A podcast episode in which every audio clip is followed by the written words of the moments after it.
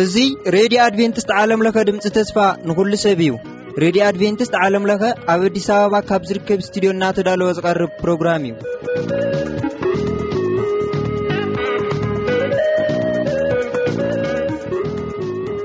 በብዘለኹም ምኸንኩም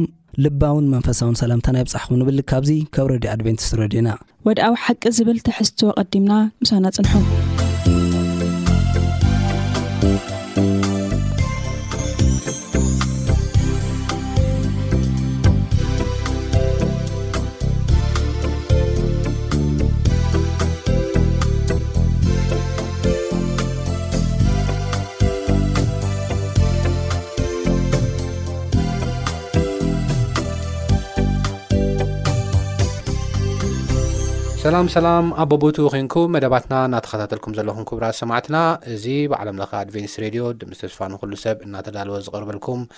መደብኩም መደብ ወዳዊ ሓቂ እዩ ኣብ ናይ ሎሚ መደብና ድማ ንኣስታት ሰለስተ ወርሒ እናረኣናዮ ፅንሕና ትምህርቲ መዛዘሚኡ ኢና ክንርኢ ማለት እዩ ከም ዝከር ኣብ ዝሓለፈ ሰለስተ ወርሒ እናረኣናዮ ዝነበርና ትምህርቲ ስለ ሞት ስለ ሙማትን ካብኡ እውን ኣብ ስለ መፃኢ ተስፋን ዝብል ኢና እናረኣና ነርና ስለ ሞት ስለ ሙማት ስለ መፃኢ ተስፋ ድማ ዓበይቲ ዝኾኑ ትምህርትታት ብፍላይ ምስ ናይ ሰብ ስነ ተፈጥሮ ኣተሓሒዝና ምስ ናይ ሕጂ ዘሎ ናይ ስሕተት ትምህርቲ ኣዛሚድና እቲ ሓቂ ናይ መፅሓፍ ቅዱሳዊ ትምህርቲ እንታይ እዩ ብዝብል ኢና ናርኣና ነርና እቲ ሓቂ ምፍላጡ ከዓ ሓቂ ትፈልጥዋ ኢኹም ሓቂ ድማ ሓርነት ከተውፃኩም ዩ ሓርነት ስለ ዘውፅእ እዩሞ እሱ ኢና ናርኣና ፅኒሕና እምበኣር ናይ ሎሚ መኸንበት ኢና ወይ ድማ ናይ ሎሚ ትምህርቲ ናይዚ መፅሓፍ እዚ መወዳእታና መወዳእታ ክፋልና ሎሚ ክንርኢና ማለት እዩ እዚ ሓሳብ እዚ ንሪኦ ምስ ሓፍተይ ቹቹ እዩ ዝኸውን ሓፍተይ ቹቹ ብመጀመርያ ኳዕ ደሓን መፃኺ ክብለኪ ፈቱ ሎሚ እምበኣር ከምዚ ቅድም ኢሎ ዝበልኮ ናይ መወዳእታ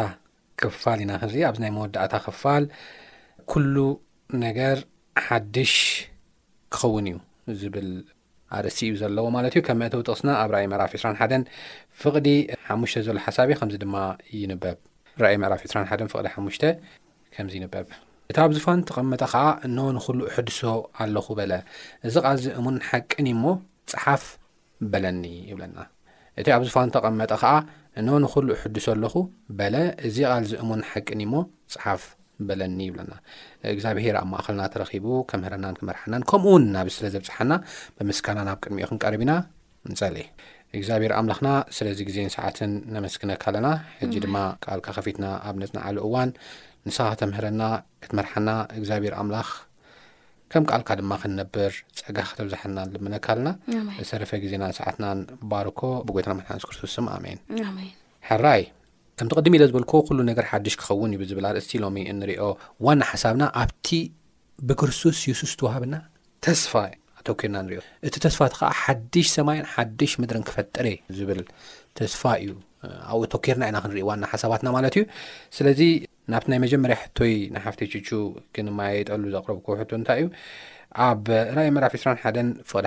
ሓደ ክሳብ ሓሙሽተ ከምኡውን ኣብ ኢሳያስ ምዕራፍ 6 ሓሙሽተን ፍቕዲ 1 ሸውዓተ ከይድና ኣብ ንሪእየሉዋን ብዛዕባ እዚ ሓድሽ ተስፋ ይዛረብ እዩ እዚ ሓድሽ ተስፋ ሓድሽ ሰማይን ሓድሽ ምድርን ክፈጠረ እየ ዝብሎ ሓሳብ ኣሎ እሞ እዚ ተስፋ እዚ ከመይ እዩ እንታይ ማለት እዩ ሓድሽ ሰማይን ሓድሽ ምድርን እዚ ከነዓና ከመይ ገይሩ እዩ ኣብ ሂወትና ንክሕድስ ዝኽእል ዝብል ሕቶ ኣለኒ ሓፍትና ቹ ናባ ክመፅእ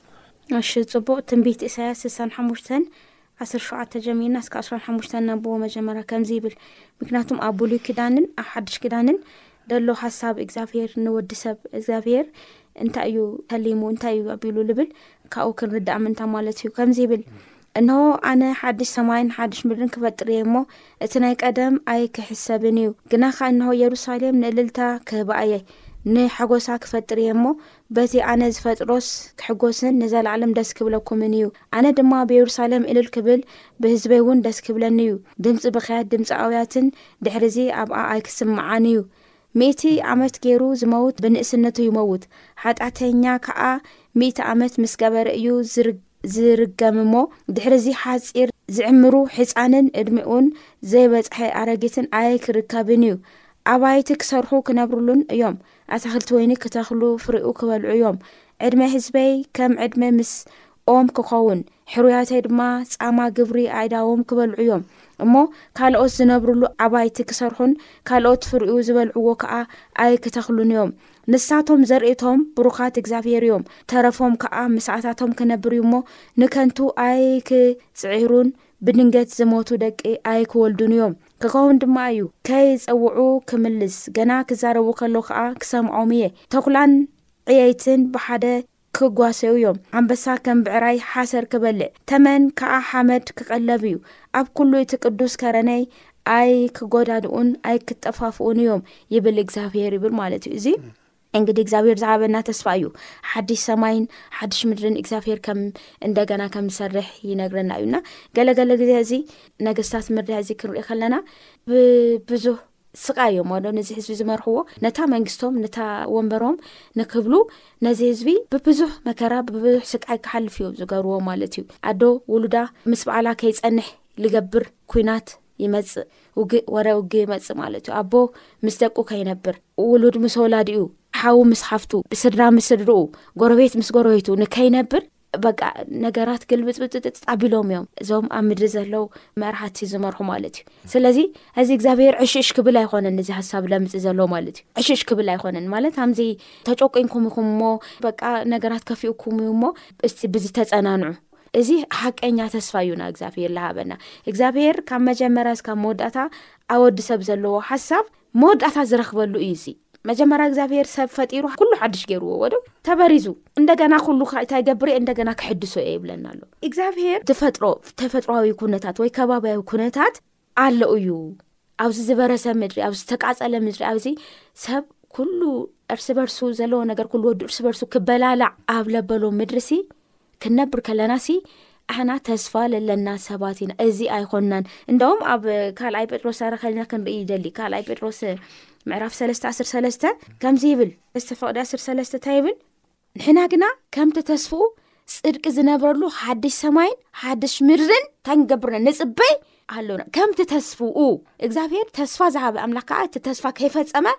ኣይሓለፈን ንዘመናት ማለት እዩ ስለዚ ከምቲ ተስፍኡ እንታይ ንፅበይ ሓድሽ ሰማይን ሓድሽ ምድን ንፅበይ ኣሎና ተፀናንዑ ብዘይብለና ብሓዋርያ ጳውሎስ ክዛረብ ከሎ ማለት እዩና እቶም ዝድሃኑ ዝወርስሉ ዓዲ ኣብ እብራውያን ዓሰርተ ሓደ እንታይ ይብል እቶም ዝድሃኑ ብጎይታና ብምድሃና ብየሱስ ክርስቶስ ዝኣመኑ እቲ ዝተገበረሎም ዝተቐበሉ ዝነብርሉ ዓዲ እግዚኣብሔር ኣዳልዩ ኣሎ እሱ ዓዲ እሱ ከዓ ሓድሽ ሰማይን ሓድሽ ኩሉ ዝሕደሰሉ ቦታ ከም ዝኾነ ንርኢ ማለት እዩና እዚ ከዓ እቲ ጓሳ መን እዩ እግዚኣብሔር በዕሉ እዩ ክርስቶስ በዕሉ እዩ ማለት እዩ ክርስትያናት ደቂ እግዚኣብሔር ደቂ ጎይታ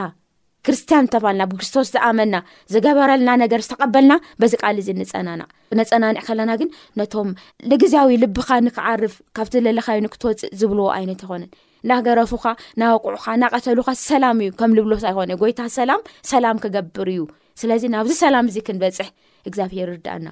እግዚኣብሄር ይባርክኪ ሓፍትና ቹቹ ዓይኒ ዘይርኣዮ እዝኒ ዝሰምዓቶ ኣብ ልቢ ሰብ ዘይተሓስቦ እግዚኣብሔር ነቶም ዝፈትውዎ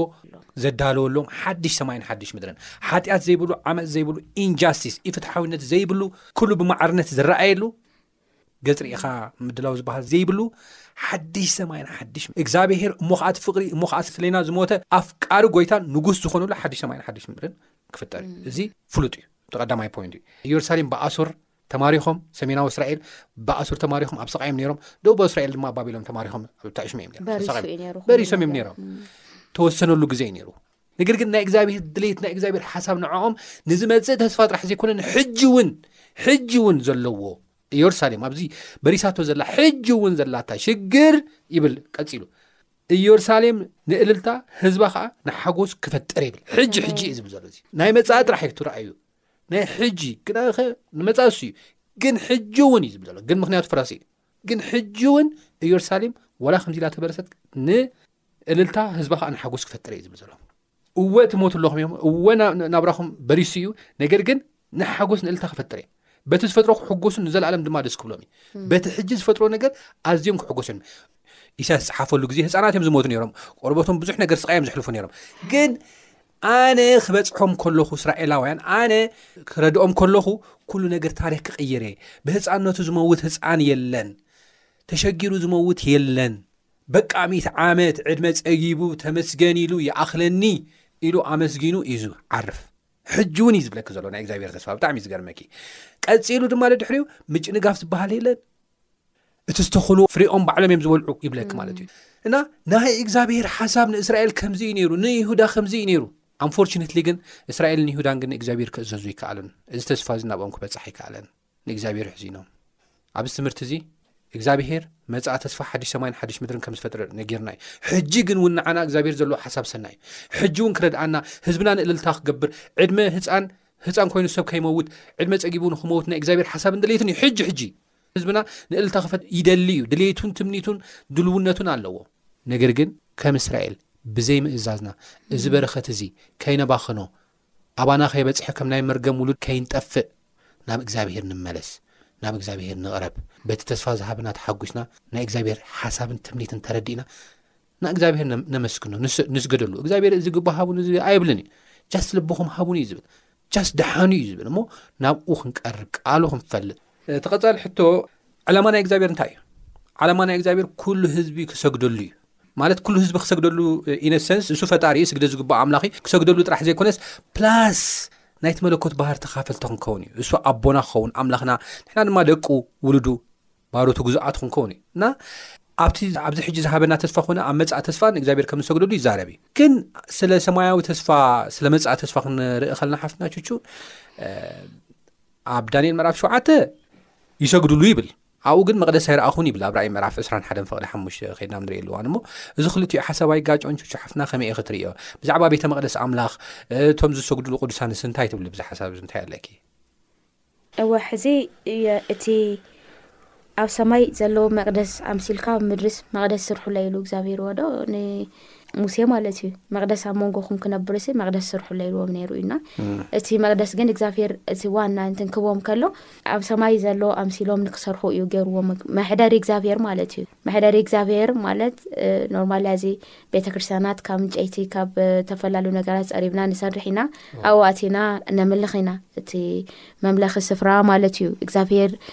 ዝነብረሉ ቦታ ማለት እዩ ግን እቲ ዝገርመኩም ግን እቲ ኩሉ ነገር ምስ ኣበለ ግን እግዚኣብሄር ብቃሉ እታ ኢሉና እስኹም ሲ መቅደስ እግዚኣብሄር ይኹም ኢሉ መንበሪ እግዚኣብሄር ይኹም ኢሉ እቲ ነገራት ኩሉ ከም ደብልሎ ኢና ንርኢ ዋኑ ግን ኣዚ እቲ መቅደስ ንምንታይ እዩ ለገልግል እዩ እቲ መግቢ መቅደሲ ሲ ንምንታይ እዩ ለገልግል ልብል እዩ እቲ ዋና ሃሳብ ክንወስዶ ዝግበእና ዳንኤል ዋላ ኣብቲ መቅደሲ ሰግዱ ይበል ኣብ ራእ ዮሃንስ እውን ከምኡ ቀሌይትን ቀትሪን በቃ ላገልገልዎ ከም ዝሰግዱ ይነግረና እዩና ሕዚ ኣብቲ ሰማያዊ ቤተ መቅደስ ኣብ ሰማይ ዘለዎ ሰራዊት ኩሎም እግዚኣብሄር ለምልክሉ ስፍራ እዩ ኣብ ምድሪ ከዓ ዝነበረ ቤተ መቅደስ ክንሪኢ ከለና ኣብ ሙሴ ግዜ ዝነበረ መን እዩ የምልኽ ነበረ እስራኤላውያን ወዶ እስራኤላውያን እዮም ናብቲ ቤተ መቅደስ በቃ እንዳውም ካሊእ ካብ ካልእ ወገን ዝኾነ ናብቲ ቤተ መቅደስ እሱ ከብል ኣይፍቀደሉ ነይሩ በቲ ሽዑ ግዜ ዝነበረ ማለት እዩ ግን ክኸውን እየ ኢሉ ኣሚኑ ዝተበለ ግን ዕድል ፈንታ ነይርዎ ማለት እዩና ዝኾነ ኮይኑ እዚ ቤተ መቅደስ መጀመርያ ዝነበረ እዩ ሕዚ እውን እንታይ ልገብር እዩ ልቅፀል እዩ ልቀፅል እዩ እቲ መቅደስ ማለት እዩ ምክንያቱም መንበሪ እግዚኣብሄር ኣዩ መንበሪ እግዚኣብሄር ዩ እግዚኣብሄር ዝመለኸሉ ቦታ እዩ ምክንያቱም እግዚኣብሄር ኣብ ሰማይ ከም ዘለዎ ገይርካ ኣብ ምድሪ ስራሕ ኢሉ ማለት እዩ ሕዚ ቤተ መቅደስ ዝብል በዓሉ ክኢሉ በቀ ነዊይ ሓሳብ እዩ ቤተ መቅደስ በዓሉ ኣብ ሰማይ እግዚኣብሔር ዘንበሮ ቤተ መቅደስ ኣብ ምድሪ ይሰራሕ ኢሉ ዝበሎ ንስኹም ቤተ መቅደስ ኣምላኽ እዩ ክብል ከሎ ቤተ መቅደስ ባዕሉ ሰፊሕ ሓሳብ እዩ ዘለዎ ግን ሓንቲ ነገር ግን ኣብዚ ክንወስድ ዘለና ነገር እንታይ እዩ ኣብቲ ቤተ መቅደስ ዕላማ እግዚኣብሔር ኣብቲ ቤተ መቅደስ እንታይ እዩ ኢልና ንወስድ ኣብ ራእይ ዮሃንስ ምዕራፍ ሸውዓተ ካብ ፍቕዲ ትሽዓተ ጀሚሩ ከምዚ ይብል ድሕርዚ ድማ ረኢኹ እንሆ ካብ ኩሎም ኣህዛብን ኣለትን ህዝብታትን ካብ ብኹዱ ዘለው ቋንቋታትን ተኣኻኸቡ ሓደ እኳ ክቆፅሮም ዘይክእል ብዙሓት ሰብ ፃዓዳ ክዳውንቲ ተኸዲኖም ጨናፍር ስየ ኣብ ኦዳዎም ሒዞም ኣብ ቅድሚቲ ዙፋን ኣብ ቅድሚቲ ገንሸል ደው ኢሎም ረኢኹ እሞ ምድሓን ናይቲ ኣብ ዙፋን ተቐሚጡ ዘሎ ኣምላኽና ናይቲ ገንሸል እዩ እናበሉ ዓው ኢሎም ጨደሩ እቶም መልኣክቲ እውን ኩላቶም ኣብ ዙርያ እቲ ዙፋን እቶም ሸማግለታት እቶም ኣርባዕተ እንስሳ እውን ቆሙ፣ ኣብ ቅድሚ እቲ ዙፋን ፍግም ኢሎም ከኣ ኣሜን፣ ውዳሴን ግርማን ጥበብን ምስጋናን ክብርን ስልጣንን ሓይልን ንዘልኣለም ኣለም ንኣምላኽና ይኹን ኣሜን እናበሉ ንኣምላኽና ሰገዱ ይብለና ማለት እዩ። እዚ ኣምልኾ እዚ ሃምዚ ቀጥታ ሃምዚ ላይቭ ልበሃል ማለት እዩ። ኣዚ እግዚኣብሔር ልርአየ ኣለዎ ዶ ብፍቕሩ ብዝተረድአና ብዝተነገረና ብዝሰማዕናዮ ኢና ኣሚና ንእግዚኣብሔር ፊት ነፊት ዝረኣየ የለን ኣብቲ ቤተ መቅደስ እዚ ግን እግዚኣብሔር ባዕሉ ኣምላኽ እዩ እቶም ዘምልኽዎ ከዓ ኩሎም ፃዕዳ ተኸዲኖም ስያ ኢዶም ሒዞም ዘለዉ ኩሉ ሰብ ኣብ ቅድሚኡ እንታይ ይገብር እዩ ክምለኽ እዩ ማለት እዩ ስለዚ ኣብ ምድሪ ዝነበረ መቅደስ ተምሳሌት ዝነበረ ኣብ ሰማይ ዝነበረ ቤተ መቅደስ ኣዚ እውን ዘሎ ንቅድሚት እውን እንታይ ዝገብር ዝነብር እግዚኣብሔር ዝምለኸሉ ቦታ ማለት እዩና ኣብኡ ከዓ እግዚኣብሔር ኣምልኮ ክቕበል እዩ ኣሕና ከዓ እቲ ዝተገበረልና ምድሃን እናዘከርና ንእግዚኣብሔር እንታይ ክንገብር ኢና ክነኽብሮ ኢና ማለት እዩ ስና ኣብቲ ቦታ እሱ ዘለዉ ሰባት ስስ እንታይ ይብል ዓሌትን ህዝብታትን ቋንቋታትን ታካኸቡ ይብል ማለት እዩ ኣብኡ ሽኡ ናትካ ዘርኢ ከምዚ እዩ ጥፋእ ናትካ ከምዚ እዩ ኣነ ዓብየ ኣነ ንእሽተየ ዝበሃል የለ ኩሉ ዓሌት ኩሉ ዘርኢ ኩሉ ህዝቢ እንታይ ይገብር እዩ? ኣብ ቅድሚ ኣምላኽ ልሰግደሉ መቕደስ ኣሎ፣ እሱ ከዓ መንበሪ ጎይታና መድሓኒና የሱስ ክርስቶስ ንኡ እናረኣና ናምልኸሉ ቦታ ማለት እዩ። እግዚኣብሔር ይባርኽኪ ብጣዕሚ ደስ ዝብል ሓሳብ ዩ ክህብክና ሓፍትና ችቹ ምናልባት ኣብዚ ቀፀሉ ዘሎ ሓሳብ ክህብ እሞ ድድሕሪኡ ቀፂላ ዘላ ሓሳብ ሰዓትና ንኣኸል እውን ስለ ዘሎ ሕቶ ክቕርበልኪ ብጣዕሚ ካብ ዝገርም ነገር ኣብ ስግደት ሰባት መፂኦም ክሰግድሉ ከለዉ ማጅን ሓፍተይ ቹቹ ሕጂ ዓብዪ ሓሳብ ኢኻ ገሊጽክልና ኩሎም ክሰግድሉ እዮም ኣብዚ ምድሪ ከምዚ ሕጂ ዘለዎ ኮይኖም ድማ ኣይኮኑን ንሰግድሉ ካብ ዝገርመኪ ሕጂ ኣብዚ ምድሪ እንታይ ኢና ዘለና ኣብ ቤተ መቅደስ ኣብ ቸርቺ ኮይና ንሰግደሉ ሓቂ ብቃሉ ብቃሉ ዝመፅእ ግን ኣብ ዳንኤል ምዕራፍ ሸውዓተ ተጠቂሱ ዘሎ ጥቕሲ ግን ፊት ንፊት ርኢናዮ ኢና ንሰግደሉ ይገርመኪ ኣብ ቅድሚኡ ኮይና ኢና ንሰግደሉ ኣክሊልና ኣብ ቅድሚኡ ኮይና ኢና ነንብረሉ መጽሓፍ ቅዱስ ከድና ክንርኢ ከልና እግዚኣብሄር ኣብ ዘይቅረብ ብርሃን ዝነብር ኣምላኽ ከም ዝኾነ ይነግረና እዩ ቀዳማይ ጢሞቴዎስ ምዕራፍ 6 ፍቅዲ 16 ካብዚ ዝተላዕለ መፅሓፍ ቅዱስ ኣብ ዮሃንስ ወንጌል ምዕራፍ ሓደ ፍቅዲ 18 ኣብ ቀዳማ ዮሃንስ ምዕራፍ 4 ፍቅዲ 12 ከምኡን ኣብ ካልኦት ጥቕስታት ኬድና ንሪእሉ እዋን ንእግዚኣብሔር ሓደ እኳ ዝረኣዮ የለን ይብለና ምክንያቱ ኣብ ዘይቀረብ ብርሃን እዩ ዝረኣዮ የለን ስለዚ እንታይ ብኸመይ ድኣዮም ዘምልኮ ዘለዉ እቶም ሕጂ ንዑ ዝፈት ብዚ ምድሪ ዘለዉ ብቓሉ ብእምነት እምነት ነቲ ዘይረአ ነገር ርግፅ ምግባር እንዲ ሓቂ ሓፍተችቹ እምነት ነቲ ዘይረአ ነገር ርግፅ ምግባር እዩ ስለዚ ነቲ ዘይረአ ነገር ብቓሉ ኣሚንና ተቐቢልና እግዚኣብሄር ኣሎ ህያው እዩ ፍጥረቱ ይዛረብ እዩ ኢልና እንታይ ንገብረሉ ኣለና ንሰግደሉን ቃሉ ንዛረበሉን ነመስግኖን ኣለና እግዚኣብሄር ይመስገን መፃኢ ግን ከምዚ ኢልና ኣይኮናን ንሰግደሉ ክንሰግደሉ ኢና ከነምልኾ ኢና ኣክሊላትና ኩሉ ኣብ እግሩ ከነንብር ኢና እግዚኣብሔር ይመስገን ግን ፍልይ ዘብሎ ዓይኒ ብዓይኒ ፊት ንፊትና ኮይኑ ብዘርፋፋ ቀሚፁ እናረኣና ምስ ግርምኡ እናረኣና ምስ ኣኽሊሉ እናረኣና ኢና ንርኢ ንዑ መፅሓፍ ቅዱስ ኣብ ማቴዎስ ምዕራፍ ሓሙሽ ሸሞንተ ከድና ንሪእየኣሉዋን ንፁሃን ልቢ ንእግዚኣብሄር ክርእዎ ዮ እሞ ብፁዓን እዮም ዝብል ንጹሃት ልቢ ንእግዚኣብሄር ክርእይዎ እዮም። ንሱ ጥራሕ ኣይኮነን ኣብ ቀዳማ ዮሃንስ ምዕራፍ ሰለስተ ፍቕዲ ክልተ ክሳብ ሰለስተ ኮይና ንርእየሉ እዋን ደቀየ ይብል። ንሕና ውልዲ ኣምላኽ ኢና እንታይ ከም ንኸውን ኣይፈለጥናን ነገር ግን ንሱ ምስ ዝግለጽ ይብል ሓቂ መጽሓፍ ቅዱስ ንሱ ምስ ዝግለጽ ግን ከምቲ ንሱ ዝረኣየና ከምቲ ንሱ ዝፈለጥና ንሕና ውን ንዕኡ ክንሪኦን ክንፈልጦን ኢና ይብል። ክርስቶስ ምስ ዝግለጽ ስለዚ ንሕና ከነምልኾ ከለና ኣብ ቅድሚ ዝፋኑ ክንቀርብ ከለና ንዕኡ እናረኣና ምስግን እንታይ ዓይነት ዕጋበት ከም ዝህብ ኣነ ሕጂ ክገልጹ ኣይከለይ ቓላት የብለይን ይሓፅረኒ ኢንፋክት ዓቕሚ እውን የብለይን እሞ ኣብ መፅሓፍ ቅዱስ ራእይ ምዕራፍ 22 ፍቅዲ ሰለስተ ክሳብ ኣርባዕተ እውን ከይድና ድሕሪኡ ኣብ ቅድሚኡ ኮይና ከነምልኾ ከለና መርገም ዝበሃል የለን ሞት ዝበሃል የለን ጥፍኣት ዝበሃል የለን እንድያም ኣነ ተዘንብቦ ደስ ይብለኒ እንድያም ንሱሲ ጭራሽሲ ጓሳና ኮይኑስ ክመርሓና እዩ የሱስ ክርስቶስ በቃ ንዑ ናብዚ ንዑ ናብዚ ናበለ ማለት እዩ ብጣዕሚ ደስ ዝብል ጥቕሲ ስለ ዝኾነ ኣነ ካብ ዝገልፆ እቲ ቃል ተትገልፆ ደስ ይብለኒ ራእይ ምዕራፍ 22 ጥራሕ ከንበብ ቁፅሪ 3 ድሕር ደጊምሲ መርገም ከትዋይ ክኸውንን እዩ ናይ ኣምላኽን ናይ ተገንሸልን ዝፋን ኣብኡ ክኸውን እዩ እቶም ባሮት እውን ከገልግልዎ ገፁ ክርዩን እዮም ገፁ ሲ ክርዩ እዮም እናረኣዩ ነቲ ኣብዘይ ቅረብ ብርሃን ዝነብር ብሓጢኣትና ከዓ ካብኡ ርሒቕና እግዚኣብሄር ከይንርኢ ዓይና ተሰዊሩ ዝነበርና ሰባት ብክርስቶስ ምስተሓና ግን ገፁ ክንሪኦ ኢና ስሙን ኣብ ግንባርና ክኸውን እዩ ምድሓን ናይ ኣምላኽ እዩ ፍቕሪ እዩ ጎይታ ዝብል ኣብ ግንባርና ክኸውን እዩ እግዚኣብሄር ይመስገን እና ዓብ ዓብ ዓብ ተስፋ እዩ ምናልባት መለስ ኢልኪ ብዝሓሳብ ዚ ክትውስክሊ ትኽእል ኢኺ ቹቺ ሓፍተይ ምናልባት ግን ኣብቲ ዝቕፅል ሕቶ ክሓልፍ እሞ ከነምልኾ ከለና ኣብዚ ቅድም ኢለ ዘንበብኮ ብፍላይ ኣብ ራእይ ምዕራፍ ዕስራን ክልተን ፍቕዲ ሰለስተ ዘንበብኮ ሓሳብ ስኸይና ንርኢ ኣለዋን ድሕር ደጊም ህርገም ኣይከውንን ይብለና ንብዓት ኣይከውንን ይብለና ኣብ ስቓይ ንሓልፈሉ ዘለና ምድሪ እዚ ዓይነት ተስፋ ንዓና እንታይ እዩ እንታይ ትርጉም ይህበና ከምዚ ዓይነት ተስፋ ንሕና ብ ስቓይ ንሓልፍ ኣብ በክያት ንሓልፍ ዘለና ሰባት እንታይ ዓይነት ተስፋ ይህበና እንታይ ዓይነት ብርትዐ ይህበና እቲ መልዐሊናሲ ሞት ምሟትን ዘለኣለማዊ ፍርዲ እንዳኾነ እና ንርኢ ዘለና እዚ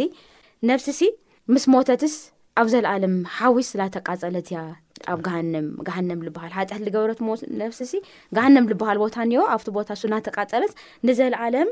ትነብር እያ ንበይስ ኣይትመውትን ዝብል ሓሳብ ቃል ኣምላኽ እንታይ ሓሳብ ይህበና ኣሎ ንብል ኢና ንርኢ ዘለና። በዚ ኣተሓሒዝና ግን ሓድሽ ሰማይን ሓድሽ ምድርን ንርኢ ኣለና።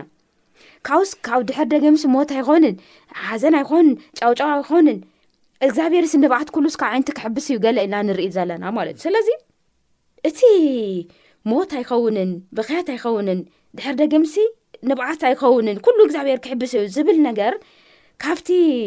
ነፍሲሲ ኣብ ንሓደ ሰብ እስትንፋስ ወይ እታ ነፍሲ እኳ ሰብ ኢልና ኢና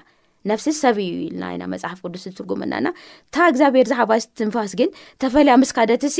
ኣበባው ዝኾነ ቦታዊ ገሃንም ትቃፀል ካብኡ እቲ ስጋ የብል እዩ ልብል ሓሳብ ሙሉእ ብምሉ እንታይ ገበር ይፃረሮ እዩ ይፃረሮ እዩ እቲ እግዚኣብሔር ንብዓት ኩሉ ከዓይኒ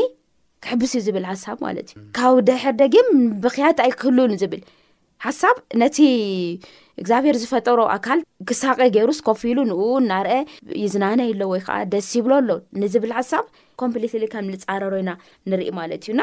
ሕዚ ሞት የለን ንብኣት የለን ክንብል ከለና እንታይ ኢና ንብል ዘለና ሓጢኣትን ሓጢኣተኛታትን ኣብ ዘለዓለም ሓዘን ኣብ ዘለዓለም ዝኾነ ብክያት ክነብሩ እዮም ሓጢኣት ክውገድ ኣይኮነን ልብል ሓሳብ ይልበካ ኮቲ ነፍሲ ንዘለዓለም ትሳቀ ንዝብል ማለት እዩ ግን እግዚኣብሄር ይከኣሎ እዩ ነቲ ሓጢኣትን ሓጢኣት ዛምፀኢ ኣካልን ምስቲ ሓጢኣት ከዓ መሪፁ ምስቲ ኣካል ልካደ ኩሉ ብሓንሳብ ንሓዋሩ ኣጥፍኡ ሲ ካብ እንደገና ሓድሽ ነገር ተገብሩ ክፈጥር እዩ ኢና ንብል ዘለና ማለት ስለዚ እዚ እዩ እትና ክርስትያን ተስፋ ሰይጣን ግን ብቲኣ ብቲኣ ብቲኣ ብቲኣ ይገብር እሞ ኣሚንካ ላዓለኻ ንክርስቶስ ማለት እዩ ኣሚንካ ላዓለኻ ንክርስቶስ ብፍርሒ ክትነብር ይረግ ፍርሒ በቃ ኣቦኻ ሞይቱ እዩ ኣሎ እሞ ንኣቦኻ ነፍሲሲ እንትንገብ ሓጢኣት ጌርካ ኢኻ እሞ በቃ ካይድካ ነየገለ ልበሃል ሰብ ተን እግዚኣብሔር ላሃለ ብዓብዩ ኣብ ጥቓኻ ናልብኻ ንጉስ ናርእካ ሰማይ ምድርን ዝፈጠረ እግዚኣብሔር ኣብ ኩሉ ቦታ ዝርከብ ሰብ ለይርእካ ሰብ ካይድካ ሓጢኣትካ ትናዘዝ መን በለ ኔው እኮ እሱ ባዕሉ ሰብ እኮ እቲ ሓጢኣት ተነጊርካዮ ጽባሕ ካይዱ እኮ መመሰሊ እዩ ልገብረግ ካይዱ ንካሊእ ሃምዚ ሃምዚ እኮ ገይሩ ሃምዚ ሃምዚ ኮይኑ ገሌ ኢሉ ኣምሲሉ ካብኡ እዩ ልዛርብ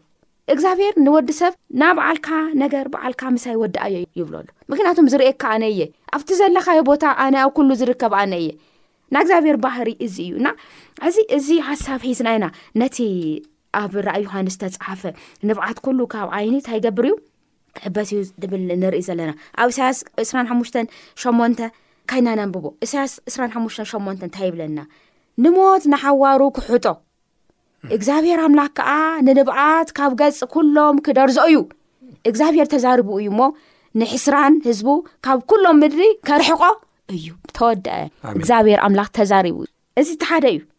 ራእይ ዮሃንስ ሸውዓተ ዓሰርተ ሸውዓተ ከዓ እንታይ ይብለና እስቲ ካይድና ንርአ ራእይ ዮሃንስ ራእይ ዮሃንስ ሸውዓተ ዓሰርተ ሸውዓተ ሕራይ ራእይ ምዕራፍ ሸውዓተ ፍቕዲ ዓሰርተ ሸውዓተ ከምዚ ይብል እቲ ኣብ ማእከል ዝፋን ዘሎ ገንሸል ስለ ዝጓስዮም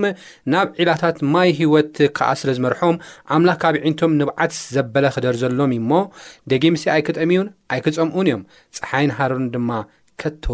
ኣይክረኽቦምን እዩ ኣሜን በቃ እዚ እዩ ተፃሒፉልና እዚ ምንም ዓይነት እንትን ኣየድልዮኮይ ምንም ኣየድልዮ ምውሳኽ ኣየድልዮ ምትንታን ኣየድልዮ ምትንታል ኣየድልዮም እዩ ኣሕናስ በዓል ሰብ ተስፋ ኢና ሎሚ ንነብዕ ንኾን ኢና ደምና ልብና ደም ይነብእ ሎ ይኾን እዩ ዓይነትና ከምኡ ክኸውን ይኽእል እዩ ምክንያቱም ዘለናዮ ምድሪ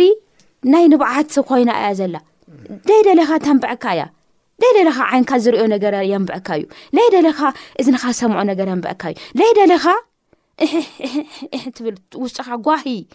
ክምላእ እዩ ዝገብረካ ግን እግዚኣብሄር እንታይ ይብል ኣነ ድሕር ደጊም ናብ እዚ ኩሉ ናብ ትርስዖ እዚ ኩሉ ናብ መፈፀምታ ዝረክበሉ ቦታ ካብ ፅሐካ እየ ኣብኡ እዩ እቲ ናትካ መንበር ይብለና ሞ ናብቲ ተስፋ ስኩ ንጓዓዝ ምስ እግዚኣብሄር ኮይና ከምቲ ኣንቶ ዝበልካዩ ኣማን ሓወይ እንታይ ተፃሒፉኒዮ ሕራይ እንተበልኩን ይብልዋ እንተተኣዚዝኩም ንሲ በረኸት ክትበልዑኹም ተፀዊዑኹም ይብለና ቃል ኣምላኽ ስለዚ ንእግዚኣብሔር ህራየልና ተኣዚዝና ሲ ኣብ ምድሪለ በረኸት ንርከብ ኣብቲ ልተዳለና ናይ ሰማይ ገዛ እውን ንጓዓዝ እዚ እዩ እቲ ትዳልዩና ለሎ ካብ ዝወፃኢ ዘሎ ነበረ ነበረ እዩ ኣይተፃሓፈን ንእግዚኣብሔር ኣሚናስ ብፍርሒ ኣይንንበር ንእግዚኣብሔር ኣሚናስ ብእሕሕ እናበልና እርግፅ እሕ እንተይልናስ ፅባሕ ድጎ ኣለና ተስፋ ንብዓትና ኩሉ ዝደርዘና ብኢዱ ገይሩ ከምታ ወዲ ሰብ ብኢዱ ገይሩ ከም ዝሰርሓ ብኢዱ ገይሩ ደሪዙ እንደገና ፀጊኑ ደው ለብለና ኣምላኽ ኣለና ናብዚ ተስፋ እዚ ንጓዓዝ እዚ ማለት ግን ሓዘን ኣይንሕዘን ማለ ይኮን ንሓዝን ምክንያቱ ሓጢኣት እያ ከቢዋንዮ እዛ ምድሪ ፀልማት እዩ ሒዝዋ ዘሎ ክንደይ ነገርና ስኢና ኢና ክንደይ ነገርና ተመንጢንላ ኢና ብዘይድልትና ማለት እዩ ዘይ ኣብ ሰብ ክበፅሒ ድዩ ዘይኣብል መከራ ኩሉ ኣብ ልዕለና ወሪዱ እዩ ኮይኑ ግን እዚ ኩሉ ከዓ ብመን እዩ ክውገድ ብእግዚኣብሄሩ እዩ ክውገድ እሞ ኣብታ ግዜ እሱ ኣብ ቅድሚ ኣምላኽ ንርከብ ዲና